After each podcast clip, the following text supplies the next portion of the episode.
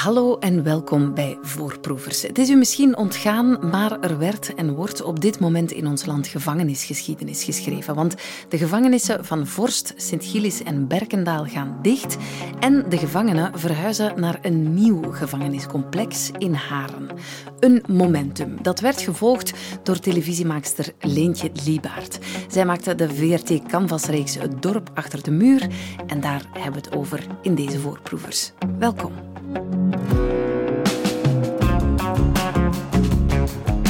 Voorproevers. Eind vorig jaar begon een epische verhuisactie.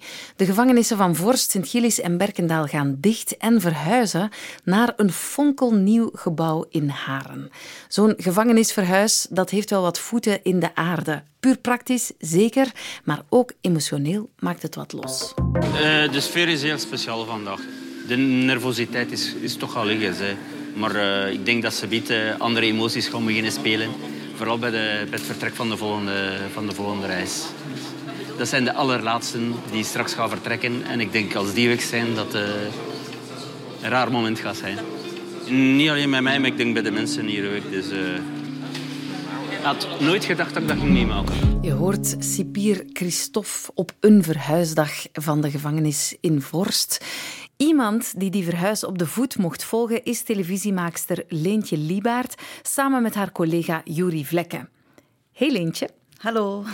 Als ik het een historisch en een episch moment in onze Belgische gevangenisgeschiedenis noem, dan is dat toch niet gelogen, hè? Nee, zeker niet. Het is echt een uh, shift, denk ik, dat de oudste gevangenis, toch een van de oudste gevangenissen, Sint-Gillis is 128 jaar oud, Vorst 112 jaar oud, dat dat echt een verouderde manier ook is van kijken naar hoe omgaan met gedetineerden. En dus, uh, ja, het moet anders. En dus die moeten dicht.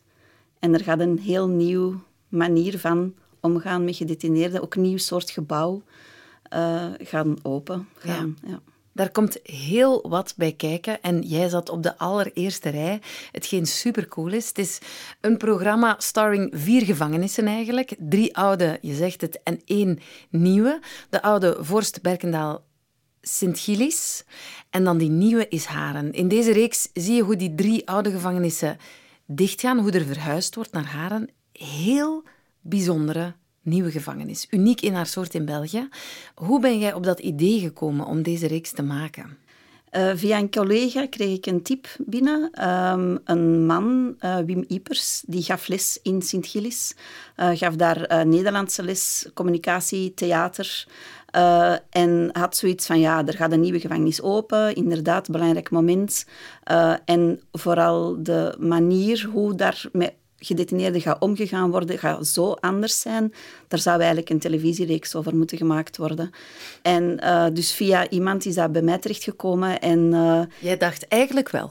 Ja, ik heb dan contact met hem genomen en ik had er eigenlijk nog nooit van gehoord. Terwijl die gevangenis was al 14 jaar in aanbouw. Dus op zich was al wel een aantal keer in het nieuws geweest, maar het is mij op een of andere manier ontgaan of ja, niet je weet ook niet wat erachter zit. Dus dat, was, dat leek niet echt interessant. Totdat hij zijn verhaal vertelde en ik had zoiets ja, oké, okay, uh, eh, daar, daar wil ik bij zijn. Ja. ja, was het gemakkelijk om daar toestemming voor te krijgen? Want ja, je zegt, ik wil daarbij zijn. Ja, het zal wel eentje, maar je moet ook nog mogen natuurlijk. Ja, dat is een, inderdaad... Uh, niet zo simpel, omdat er zijn verschillende partijen bij betrokken. Je hebt uh, de minister van Justitie uiteraard, dan heb je het gevangeniswezen, die alle gevangenissen overkoepelen. Uh, dan heb je de directie natuurlijk van Vorst Sint-Gillis uh, Berkendaal. Dat was één centrale directeur. dus je moet die allemaal overtuigd krijgen van mag ik een jaar lang in jullie voetspoor van die verhuis meegaan. En Um, er waren heel veel vragen van verschillende televisiezenders die allemaal daar iets over wilden maken. Oh. Uh, dus je moest eigenlijk met het beste voorstel komen om, om ze te kunnen overtuigen. En jij was de chosen one. Yes. Ah, goed, dat zegt, uh, dat zegt heel veel over jou, Leentje, en over jouw uh, overtuigingskracht. Ik kan mij ook voorstellen, zo puur op, op veiligheidsvlak, ja, dat is geen evidente plek altijd. Nee, uh, en zeker uh, in de oude gevangenissen voelde dat heel hard. Dus er was ook altijd een cipier bij ons. Uh, wij, werden heel, heel, wij mochten, we hadden heel, veel, heel weinig vrijheid eigenlijk. -hmm. um, we moesten ook alles vragen. Als we bij iemand een gesprek wilden hebben in de cel, Dus die veiligheidsvoorschriften waren echt super, super streng. Was niet evident. En dan zie je ook het verschil met haren. Daar zullen we het dan later nog over hebben. Wat een vrijheid ook wij, niet alleen gedetineerden, maar ook wij kregen. Dat is... Was het de allereerste keer dat je binnenkwam in een gevangenis? Ik was ooit in Leuven Centraal geweest mm voor een kleine reportage. Um, maar hier dus inderdaad zo'n lange tijd uh, in een gevangenis verblijven en echt dat leven kunnen meevolgen, dat had ik inderdaad nog nooit uh, meegemaakt. Je bent echt ondergedompeld in de, in de gevangeniswereld. Hè? Kan je die wereld voor mij een beetje beschrijven? Want ik ben er nog nooit geweest. Ja, het is echt een, een mini-maatschappijtje eigenlijk. Je voelt... Um, het is echt een gemeenschap die ook samenleeft. Die zitten wel allemaal apart in hun cel, maar er is toch het gemeenschapsleven. Dus je voelt ook, er zijn een aantal die daar dan de leidersfiguren worden. Uh, dus er, begint zich, ja, zoals alle groepen van mensen, begint daar zich toch een soort van uh, hiërarchie uh, te vormen. Dus binnen de gedetineerden heb je een hiërarchie. Dan heb je uiteindelijk nog eens de, uiteraard de hiërarchie met personeel. En ook daar is een heel groot verschil uh, van manier hoe dat sommige uh, cipiers um, met die gedetineerden omgaan. Uh, dus dat, allee, dus dat, is, ja, dat is wel heel bijzonder om te zien, zo ja. die verhoudingen. Puur het gebouw waar je binnenstapt. Vorst en Sint-Gillis zijn gevangenissen met een bepaalde reputatie. Die zijn verouderd. Die, daar is een enorm probleem van overbevolking.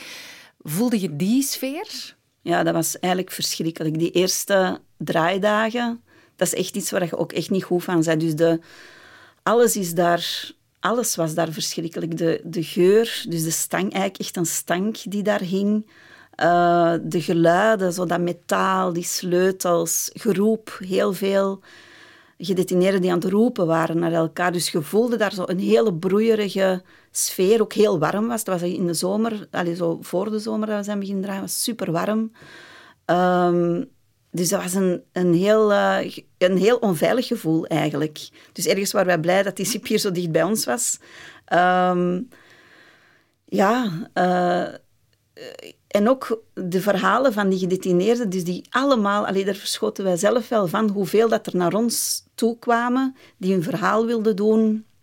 Ook om te zeggen hoe verschrikkelijk de leefomstandigheden daar waren, hoe ongelukkig ze waren, hoe uh, de kakkerlakken, de ratten, de plastieke flessen uh, lagen daar. Allee, dus het was eigenlijk ja, heel middeleeuws. Ja. En... Want een beeld wat ik, wat ik niet, niet vergeet, is dat er echt uh, s'morgens met, met de pis en de kakemmer naar een grote uh, latrine wordt gegaan. En daar moeten alle gevangenen, want een toilet op, op, op cel hebben In ze Vorst niet, niet. Nee. moeten ze daar hun emmer leegmaken. Ja, in Vorst is geen sanitair op de cel, uh, dus zeker geen toilet, zelfs geen water ook niet. Hè? Geen, geen kraantjeswater, niks. Nee. Had je verwacht dat het zo erg zou nee, zijn? Nee, Nee, daar was ik, nee, want van, als ik dan zag in Leuven Centraal, dat was proper. Allee, dat voelde voor mij properder aan en ook rustiger. Terwijl hier uh, het lawaai en, ja, en de stank was eigenlijk gruwelijk. Je bent in Vorst en Sint-Gillis geweest, twee mannengevangenissen, maar ook in Berkendaal, een vrouwengevangenis. Ja. Is ja, dat, dat een was, groot verschil? Dat was helemaal anders. Dat gebouw is natuurlijk ook minder oud. Dat was van de jaren zeventig. Uh, maar daar was wel een gemoedelijke sfeer. Uh, veel huiselijker. Uh, vrouwen liepen daar rustig rond. dus dat, dat ja, een opener gevoel ook wel. Um, en er was ook een mama met een kindje die daar leefde, met een kindje van één jaar. Uh, die eigenlijk een hele grote kamer had, die zo met tekeningen op de muren en heel veel speelgoed. En eigenlijk hadden ze bijna niet het gevoel, we hadden een, een, een klankman mee en die had zoiets van... Hmm, is dat, is dat hier wel een gevangenis? Dus je had niet echt het gevoel om in een gevangenis te zijn. Dat was een heel ander gevoel, ja. Wat ik vaak gedacht heb tijdens het kijken naar het dorp achter de muurleentje was... Wow, ik heb zo een clichébeeld in mijn hoofd van het leven daar. Ik denk gevangenis en ik denk hard, bruut, grimmig. Wat mij vooral opviel in de reeks die je hebt gemaakt, is hoe warm en menselijk mensen ook kunnen zijn daar voor elkaar. Ja, dat is ook wel. Vooral zo tussen personeel en, en gedetineerden. We hebben echt mensen ontmoet die ja, echt super mooie, warme mensen zijn. En dat je ook echt voelt dat die vol passie en liefde die job doen. Uh, dat die proberen dat zo goed mogelijk te doen. En een heel mooie verstandhouding hadden met andere gedetineerden. En ook heel er werd ook heel veel gelachen, heel veel humor, heel veel... ehm, ja, dat was, wel, dat, was, dat was het, voor mij ook het meest verrassende om te merken, die, andere, die, die warme relaties. Veel warme mensen die je hebt mogen interviewen, maar heel veel van de mensen die jij interviewt zijn natuurlijk ook wel gevangenen die daar zitten voor een wel bepaalde reden. Wist je die reden waarom zij daar belanden in de gevangenis? Nee, dus we wisten het nooit op voorhand. Dus wij werden ook niet ingelicht door directie of zo, of, of, of uh, personeel. Dus we wisten het enkel als het onszelf vertelde. We vroegen er ook niet naar. En ik vond dat ergens ook wel leuk om gewoon de mens te ontmoeten en niet de gedetineerde of de crimineel of ik weet niet wat. Dat was echt zo een, mens, een, een ontmoeting tussen mensen. Ja. Uh, dat was voor mij ook wel belangrijk. En als we het wisten, als we het vertelden, ja, zelfs dan deed dat er precies niet toe. Dat was eigenlijk heel raar. Ja. ja. Maar dan zit jij daar te babbelen met die warme mens, terwijl die net zo goed um, iemand vermoord kan hebben, iemand ongelooflijk bedrogen hebben, bestolen hebben, maar het is toch een klein beetje bizar als je dan s'avonds je huis binnenkomt, denk je dan soms niet van, hmm, ja, ik weet het niet. Het zou rare dingen doen in mijn hoofd, denk ik. Ja, dat is wel... Um... Om dat te vergeten, hè? Om, die, om, om die context niet te weten. Ja, en ook om die slachtoffers te, om daaraan te denken. Hè? Want er zijn uiteraard slachtoffers. Hè? Dus dat is... En toch uh, denk ik dat die... Uh, wat, dat, allez, wat dat ze ook gedaan hebben, um, of dat dat nu... Allee, ik weet, ik geloof, maar dat is misschien een, een ik geloof niet dat... Allez, ik geloof dat er in iedere mens iets goed zit. En uh, als je daar op een mooie manier contact mee hebt, dan krijg je ook die goede kant te zien. En ja, ik probeerde... Uh, ik vond het ook wel belangrijk om ze op een... Zonder, zonder hun verleden op die manier te ontmoeten en te leren kennen. Je maakte niet alleen kennis met de gevangenen natuurlijk, ook met het personeel. Je zei het net. Onder andere gevangenisdirecteur Jurgen van Poeken. Um, als ik hem zo zie op televisie, dan denk ik, goeie gast. Ja. Blij, blij, dat hij daar uh, rondloopt. Dat klinkt nu onnozel om te zeggen dat je je thuis voelt in een gevangenis. Hè? Dat, dat dat uw, uw tweede biotoop is, bij wijze van spreken. En dat is voor veel directeurs ook zo, denk ik. Um, dat is u, ergens uw, uw uh, ja, dat is een soort van genetische afwijking, ik weet het niet. Dat, is dat, veel van mijn collega's beschouwen dat een stuk als een natuurlijke positie, als, als van dat graag doen, gewoon dat graag doen. Um, en het feit dat ik dat al 30 jaar doe, bewijst minstens mij gelijk op dat vlak, denk ik. Ik bedoel, als ik het al 30 jaar volhoud... Uh, ik zeg soms ook al lachend, het is, het is dat of achter de velkar lopen. Ik kan niks anders, maar ik doe het al zo lang dat ik niks anders niet meer kan. Een gepassioneerd gevangenisdirecteur...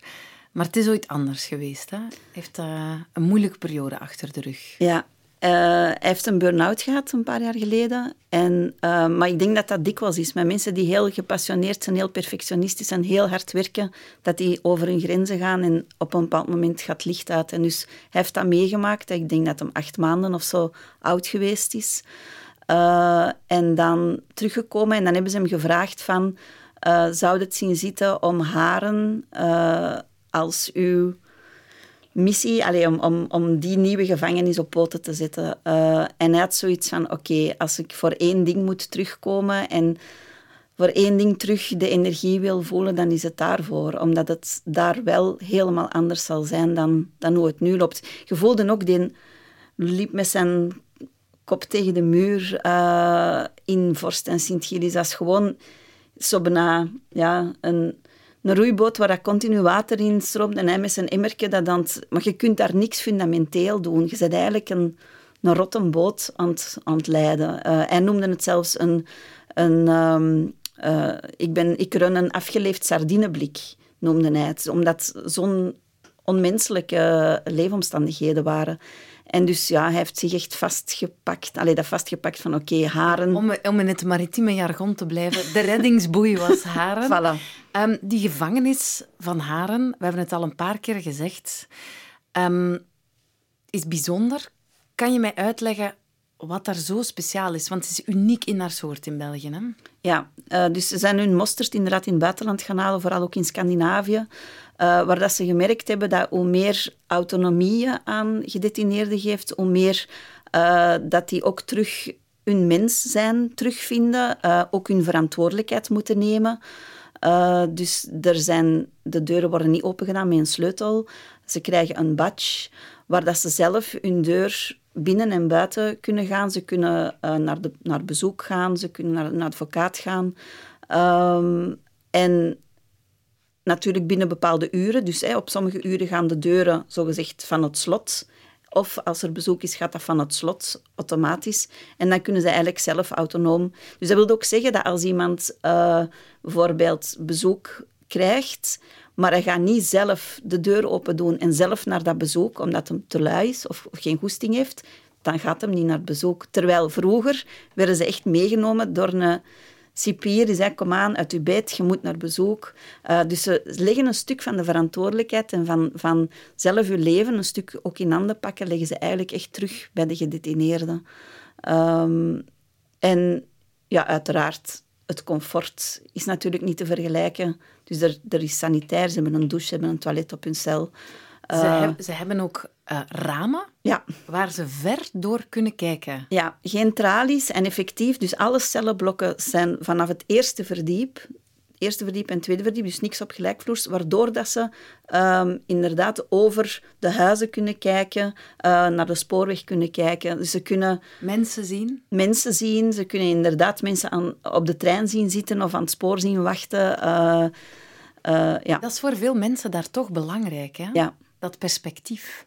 Ja, en ook toch die link met de, met de maatschappij houden op die manier. Mm -hmm. Dus en vroeger was het hoe hoger de muren en hoe minder raampjes. Dus de ramen waren ook allemaal bovenaan, dat je niet naar buiten kon kijken.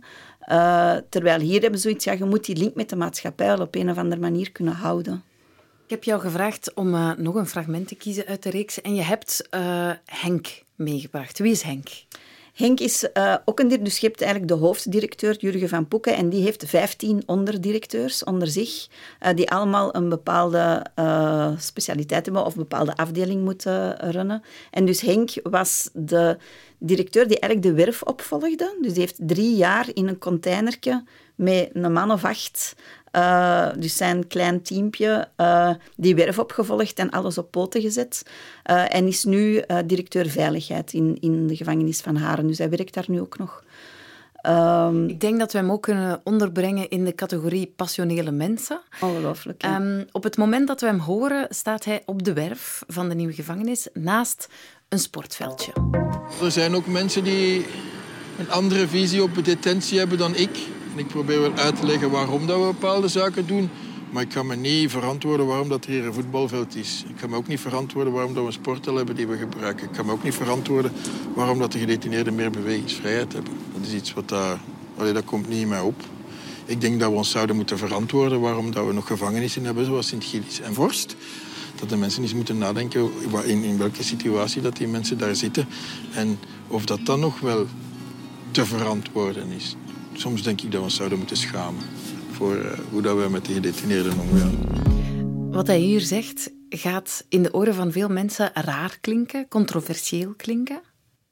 Ja, zijn uitgangspunt is effectief van je kunt al die mensen wegduwen zonder dat je naar moet kijken.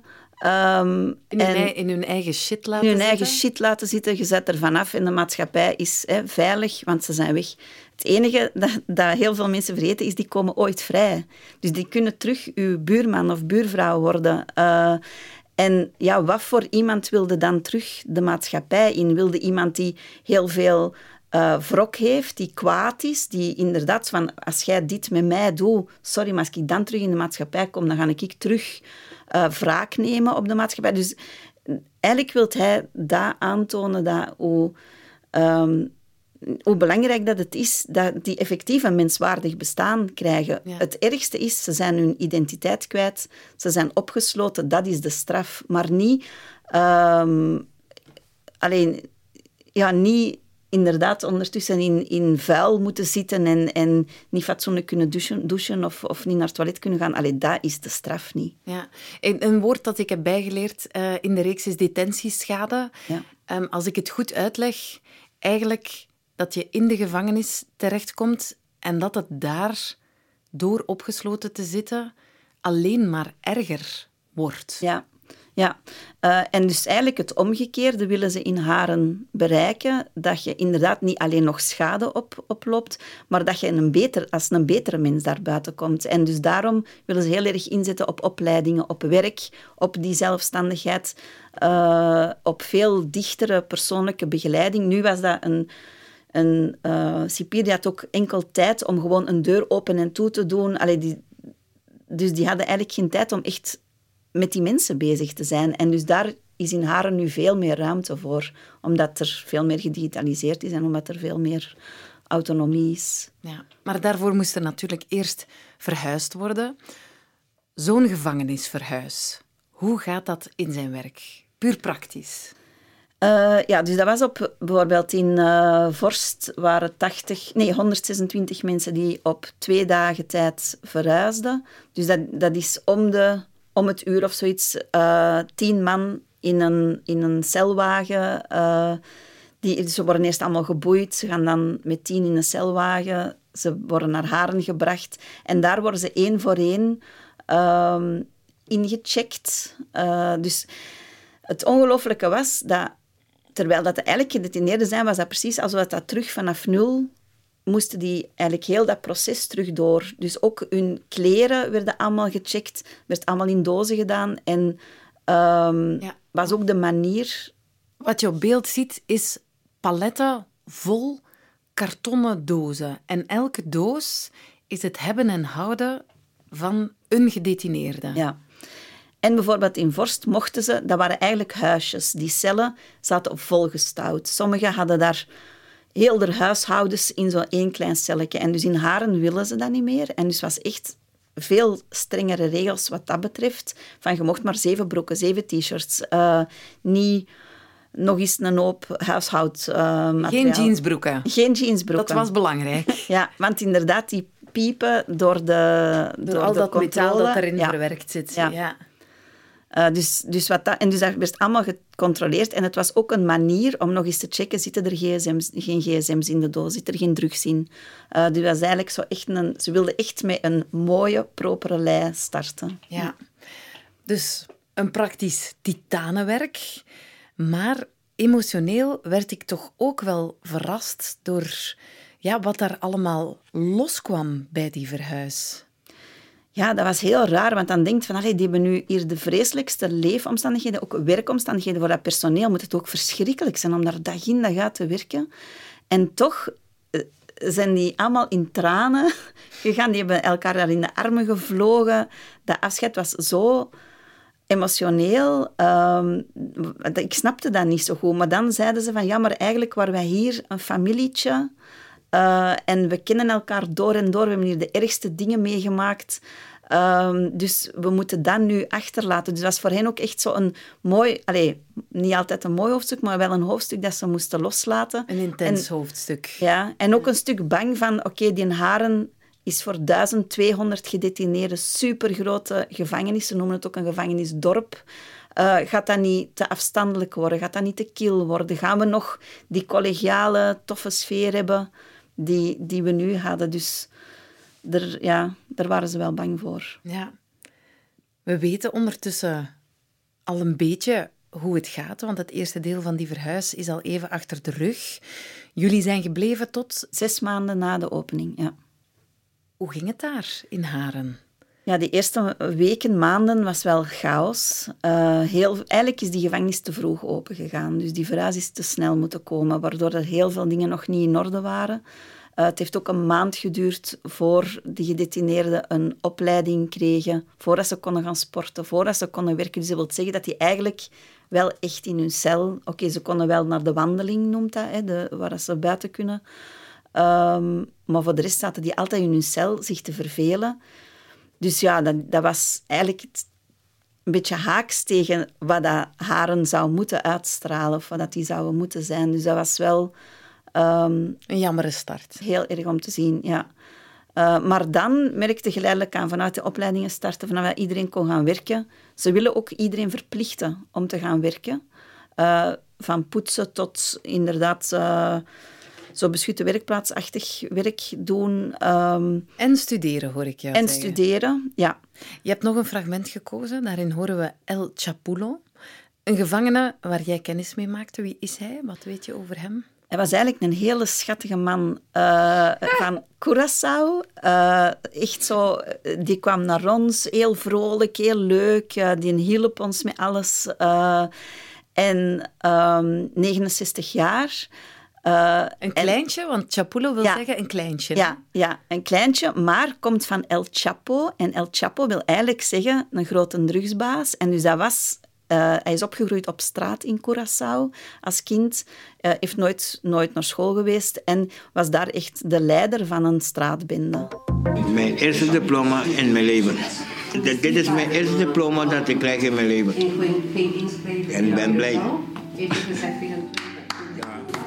Kan je nog een keertje zeggen wat je aan de cursus hebt gehad, wat je hebt bijgeleerd, wat, je er, wat jou is bijgebleven? Heel veel interessante dingen. Ja. Ik heb uh, geleerd excuus aanbieden. Ja. Deed je dat vroeger niet? Of minder? Heel, heel minder. Ja? Heel veel minder. En is dat geen zwakte? Altijd, altijd uh, denken dat ik gelijk heb. Uh, ja? Ja. ik hou van vals spelen en zo. Ja? Waarom heb je dit fragment gekozen? Ja, ik, dat was zo aandoenlijk om inderdaad te zien een man van 69 die eigenlijk een vreselijk leven heeft, een vreselijke start heeft gehad. Ook echt, hij vertelde ook dat heel veel vrienden van hem heeft hem zien doodschieten. Hij waarschijnlijk heeft hem zelf ook mensen vermoord, vermoed ik. Uh, dus die komt uit een, een leven en een wereld die wij ons gewoon niet kunnen voorstellen.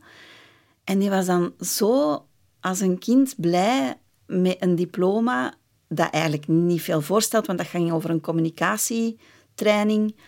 Um, en dat hij echt zoiets had van, oké, okay, ik wil... Vanaf nu ben ik niet meer El Chapulo, ik ben nu Sebastiaan. En zo, dat dat ook ineens voor hem zoveel betekende, zoiets wat voor ons klein lijkt. En je voelde echt van... Ik, ik kan me voorstellen dat zo van die dingen heel veel doen voor mensen. Eigenwaarde. Ongelooflijk, ja. ja. Hebben daar ook iemand ontmoet die een koksopleiding aan het volgen was. Die zei, ja, koken interesseerde mij niet. Uh, maar door die opleiding te volgen heb ik echt mijn passie ontdekt. En ik wil een restaurant openen. En ik wil... Dus er zijn echt mensen die er op die manier beter uitkomen. En effectief ook een doel in hun leven gaan vinden. Een hoopvol verhaal om mee te eindigen. Leentje, is jouw kijk op de gevangenis door deze reeks veranderd? Ja, vooral... Um, ik denk vooral de, de warme sfeer, dat is voor mij toch ook het, het meest bijgebleven. En dat je echt voelt van daar werken. Want eigenlijk, ik denk dat uh, cipiers of, of mensen die in gevangenis werken, komen alleen maar in het nieuws als er stakingen zijn. Um, en nu hebben wij gezien van hoeveel gepassioneerde mensen dat daar werken, die echt proberen het, het beter te maken. Dus dat vond ik eigenlijk wel... Ja, voor mij is dat wel het grootste inzicht, denk ik. Leentje Liebaert, bedankt voor dit gesprek. Bedankt ook voor die prachtige reeks die je maakte samen met Jury Vlekken. Ze is te zien op 14 Max. En daar vind je trouwens ook alle andere afleveringen van deze voorproevers.